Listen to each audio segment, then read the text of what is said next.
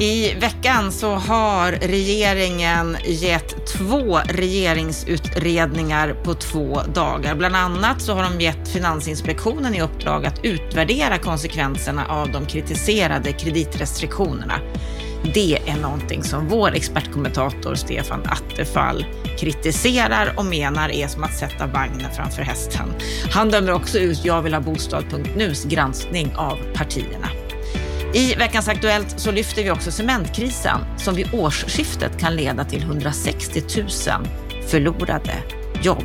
Och så tar vi upp en debattartikel som Socialdemokraterna har lyft när det gäller de moderata kommunernas oförmåga när det gäller bostäder. Varmt välkommen till veckans Aktuellt, det senaste som har hänt på den bostadspolitiska arenan under veckan.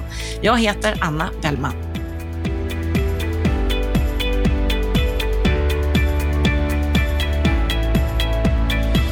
Det närmar sig val och man kan ju undra om regeringen vill städa av några bostadsfrågor innan valet, för det har kommit två regeringsutredningar på två dagar. Bland annat så har regeringen gett Finansinspektionen i uppdrag att utvärdera konsekvenserna av de kritiserade kreditrestriktionerna. Om man säger så här att hushållens skulder i form av bostads och konsumtionslån har under de senaste 20 åren ökat i snabb takt och för att motverka det så har Finansinspektionen vidtagit åtgärder för att stärka hushållens motståndskraft genom bland annat bolånetak och amorteringskrav. Åtgärder som under de senaste decenniet har tjänat den finansiella stabiliteten och samhällsekonomin väl, skriver regeringen.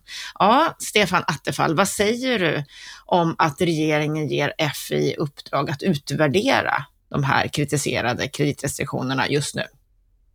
Eh, först kan man notera just det du citerade, att man, eh, man säger att kreditrestriktionerna har tjänat samhällsekonomin väl. Eh, den gemensamma kritiken från Finansinspektionen och Riksbank har ju varit att de där åtgärderna har varit otillräckliga och man har ställt krav på att regeringen ska göra mer. Men nu tycker man att det här har tjänat dem väl.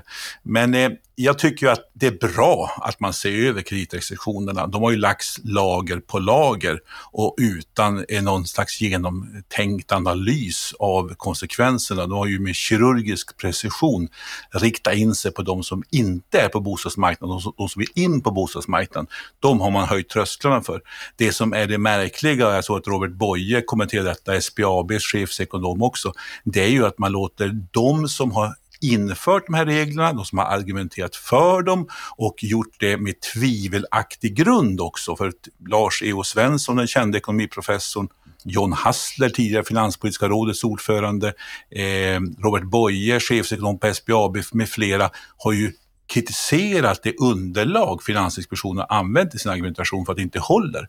De forskningshänvisningar man gjort exempelvis. Och då får man samma myndighet som har på något sätt bundit upp sig för att det här är de perfekta åtgärderna, ska då utvärdera sig själv i praktiken. Och då vet vi alla hur det blir. Man har ju lite prestige ändå i kroppen så att man vill ändå förklara, försvara sitt agerande.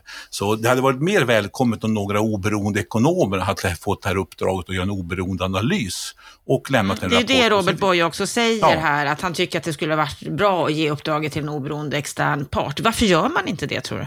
Nej, man vågar inte utmana. Det skulle vara lite grann, tror jag, som att eh, peta lite grann på Finansinspektionen. Man är för lojal med varandra. Men det är ju lite grann som att sätta hästen framför vagnen. Eh, bättre att låta en oberoende ekonomer titta på det och sen låta Finansinspektionen ge synpunkter på det. Det hade gett ett bättre beslutsunderlag. Men det är bra att det görs, det kan komma fram någonting och det kan vara en grund för eh, en kommande regering att i alla fall börja att ändra. För att förutsättningarna har ju förändrats också nu med räntor som stiger och därmed borde ju argumentationen för kreditrestriktionerna också minska. Den andra utredningen som regeringen vill att en utredare ska titta på, det är att se över effekterna av ränteförändringar mot bakgrund av hushållens räntebindningstider. Bland annat ska utredaren, då Konjunkturinstitutets generaldirektör Albin Kainelainen, se över hur bankernas avgifter för förtidslösen av bolån. Moderaterna presenterar på måndagen också ett förslag i den här riktningen. Eh, en viktig del av hans utredarens uppdrag det är avgiften som bankerna tar ut när en bolånetagare vill lösa ett bundet lån. En avgift som Dagens Industrins Hans Bolander i en kommentar beskriver som konsumentfientlig. Vad säger du om, om det här? Ja, Alltså det är väl bra också om man tittar på det I motsats till det förra uppdraget som man skulle snabbutreda till oktober så ska det här hålla på ett års tid. Det finns anledning att titta på, kan man förbättra det här med att man kan gå ur bundna lån på ett billigare och smidigare sätt. Men det finns också en verklighet om bankerna har tagit upp motsvarande lån i sin tur eh, med långa löptider Eh, så måste ju också de ha täckning för de kostnaderna. Så det där kan man diskutera med räknemekanismerna. Eh, det finns säkert kanske en del att skruva på där. Men jag tror inte att man kan tro att man kan göra Alexanderhugg på det här området. Men eh, också ett välkommet uppdrag kan vara nyttigt och framförallt belysa hur situationen ser ut. Men eh, det ska man inte ha så jättestora förhoppningar för, även om det finns vissa förbättringsmöjligheter. Jag är mera, ska säga, har mer förväntan på översynen av kreditrestriktionerna. Men varför tror du att de här två utredningarna tillsätts nu med mindre än två veckor kvar till valet? Ja, det är faktiskt förvånande, för det är ju lite grann också att dra på sig kritiken. Varför gör man det nu och inte tidigare? Eh, samtidigt är det ju inte heller någon het debatt om de här frågorna i valrörelsen. Det är ju ingenting som, som partierna bråkar om, även om flera, och fler partier har börjat svänga i synen på kreditrestriktionerna på ett välkommet sätt. Så eh, jag är lite förvånad, men det verkar som att man desperat, ny finansmarknadsminister, ändå vill visa lite handlingskraft. Och sen kanske man vill bädda för om man förhoppningsvis får vara kvar i regeringsställning. Visa lite handlingskraft, men frågan som alla måste ställa sig, varför nu och inte för ett år sedan eller två år sedan? Problemen har ju inte direkt minskat. Eller har inte ökat, utan de har funnits hela tiden där. Så att det, är lite, det är lite anmärkningsvärt. Och sen har vi fått en del remissvar när det gäller utredningen om startlån. Finansinspektionen de sågar ju startlånet, men exempelvis Obos och Veidekke med flera, de är positiva till det här. Vad säger du om det? Ja, alltså eh, precis. Veidekke och Obos har ju skrivit ungefär samma innehåll, det vill säga jättebra utredningsförslag, genomtänkt, väl eh, ska säga, utformat. Eh, det är också mitt intryck. Och, men man saknar då att man lyfter det här med obligatoriskt bosparande som man lite grann avfärdar i den här eh, Eva Nordströms utredning. Eh, Finansinspektionen är intressant. De är emot, liksom Hyresgästföreningen och håll i er, jag vill ha bostad.nu, alltså ungdomarna som, som, som kräver bostäder för unga. De är emot att hjälpa unga in på bostadsmarknaden. Men eh, det kommer vi tillbaka till kanske senare i programmet. Men det är alltså Hyresgästförening och de som på något sätt står på den sidan i politiken och Finansinspektionen som finner varandra.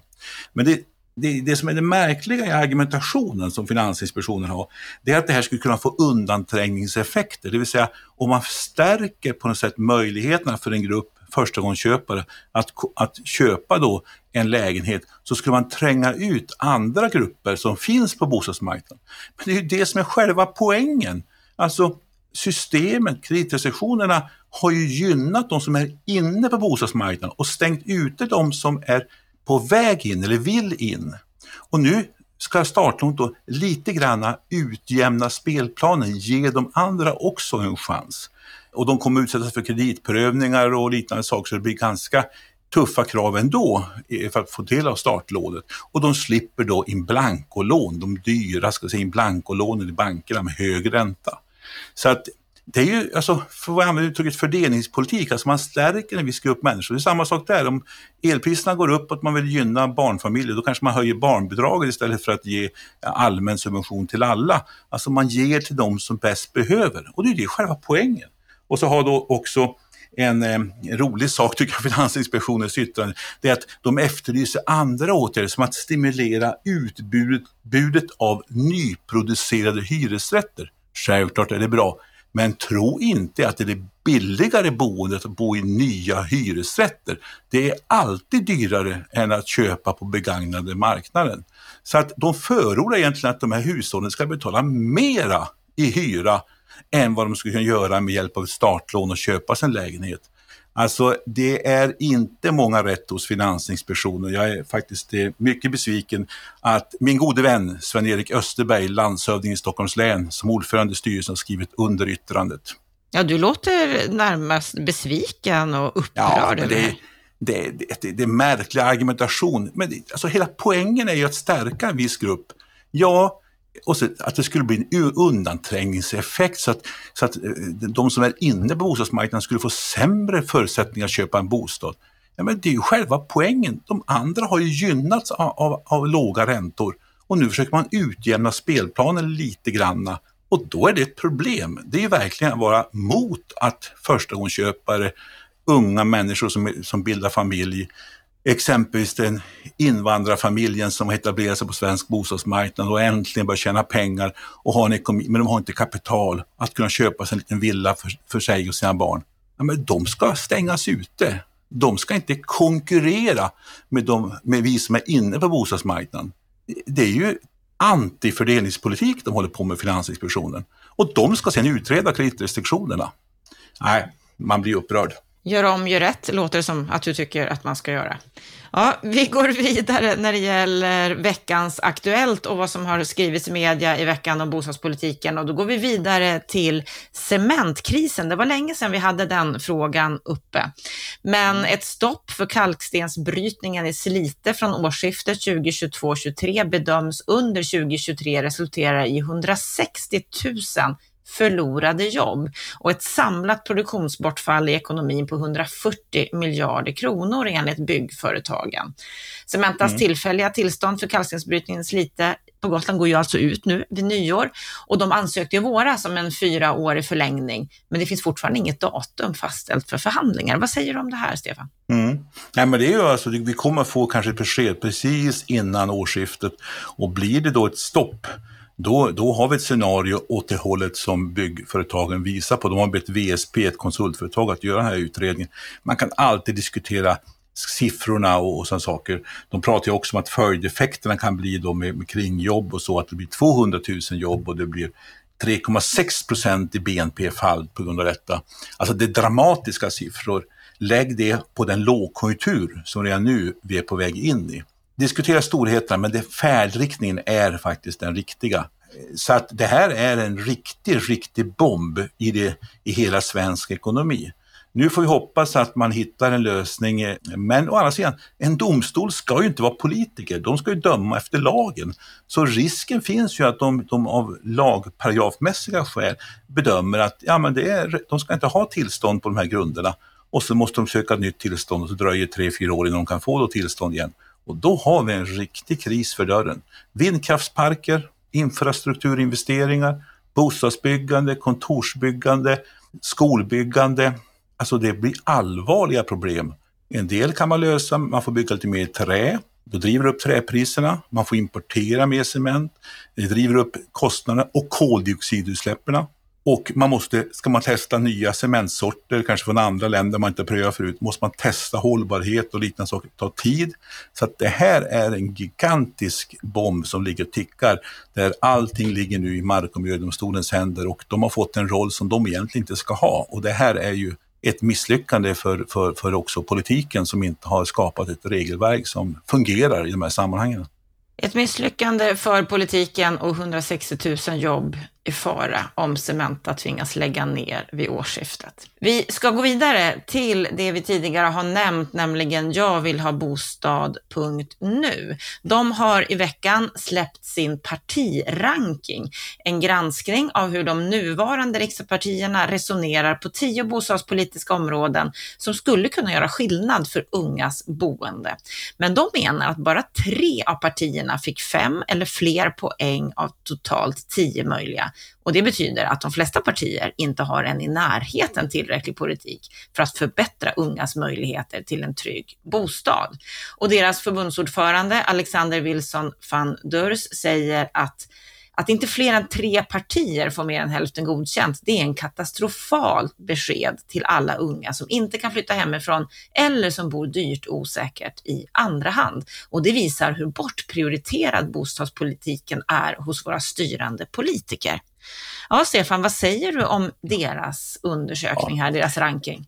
Alltså det här är ju ett, alltså det är ju ett skämt. Eh, jag vill ha bostad.nu drar ner byxorna på sig själva. Eh, för det första så har de ju utelämnat alla frågor som kan handla om att hjälpa unga in på den ägda marknaden, som exempelvis startlån. De är ju emot det i sitt remissvar. De har ju varit för det förut, men så har de haft kongressbeslut och så har de bytt åsikt och nu är de emot, de är emot det med att man ska stimulera bosparande för ungdomar och ge skattestöd för det. Två stycken mycket viktiga åtgärder för att hjälpa unga in på den ägda bostadsmarknaden. Eh, det tar de inte ens med. Sen har de ju haft i praktiken så att de har tagit Hyresgästföreningen och Vänsterpartiets agenda och så ställt frågor. Håller du med om de här åsikterna? Och de som då inte gör det, de får ju dåliga siffror och de som håller med, det vill säga Vänsterpartiet, hamnar ju högst upp på listan. Och det handlar om att eh, du får inte sälja en enda allmännytta, även om du skulle bygga nya studentbostäder för de pengarna du gör. Eh, du, får inte, eh, du måste ha mycket statliga subventioner, statliga stöd till allt och alla och det ska vara via investeringsstöd. Är du för att, jag såg att Kristdemokraterna har ett konkret förslag på att förbättra bostadsbidraget, de får tveksamt en varning, medan ett annat parti som har suttit i regeringsmakten i åtta år uttalar sig lite positivt om förstärkta bostadsbidrag, men inte gjort någonting i regeringsställning, de får godkänt. Alltså det blir en ganska löjlig undersökning. Så att här får jag och Villa Bostad.nu antingen gå hem och göra om och, och uh, tänka igenom sin, sin strategi eller så kommer de diskvalificera sig från den, från den ska säga, bostadspolitiska debatten tror jag. Du tror att det är så pass allvarligt? Nej, men det är ingen som tar den på allvar efter det här, om inte man är vänsterpartist. Ja, då ber vi dem att se över vad de har gjort och se om de kan göra ett mer fullödigt arbete framåt. Vi ska avsluta veckans Aktuellt med en debattartikel på bostadspolitik.se där Moderaternas bostadspolitik spär på segregationen i Stockholm. Ja, i alla fall om man får tro Socialdemokraternas Johan Löfstrand som anklagar moderatstyrda Stockholms kommuner för att bara bygga för välavlönade och inte för arbetare arbetarna som får kommunerna att fungera. Bland annat så skriver han så här att i Danderyds kommun så måste mer än 90 procent av undersköterskor, sjuksköterskor, barnmorskor och hemtjänstpersonal, alltså arbetare som utför helt ovärderliga uppgifter i vårt samhälle, pendla till kommunen då moderata kommunalråd inte investerat i bostadsbyggande och billiga hyresrätter.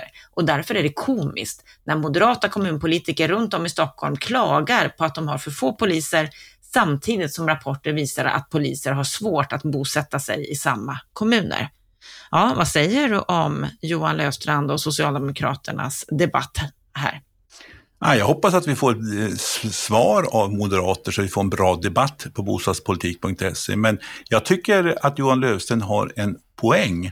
Men hans kritik kan ju träffa inte bara moderata kommunledningar utan även socialdemokratiska. Han har en poäng i att eh, man är för dålig i de här kommunerna som man nämnde på att bygga bostäder för fler yrkes, alltså för inkomstgrupper och åldrar. Exempelvis bygga mer hyresrätter. Där behöver man bygga mer hyresrätter eh, och kanske också hitta lösningar med lite eget ägt boende som är lite billigare i prisläge och liknande saker. Men marknadspriserna på marken är ju ganska hög så det skapar en del utmaningar. Men man kan göra mer än vad de gör.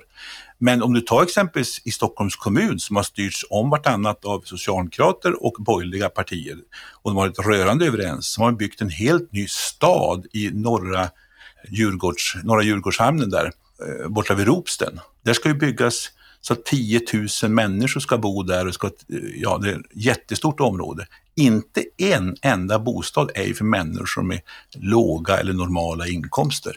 Det är dyra bostadsrätter, dyra hyresrätter som byggs där. Ingen människa har råd att bo där om inte man har sålt sin villa i Täby eller har ruskigt höga inkomster. Så att det här sjukan finns ju inte bara i Danderyd, utan det finns ju på fler ställen. Så att bostadspolitiken behöver tänka igenom den här problembilden som Johan Löfstrand pekar på. Men den gäller nog fler än bara Danderyd och Täby och några sådana kommuner i Stockholm.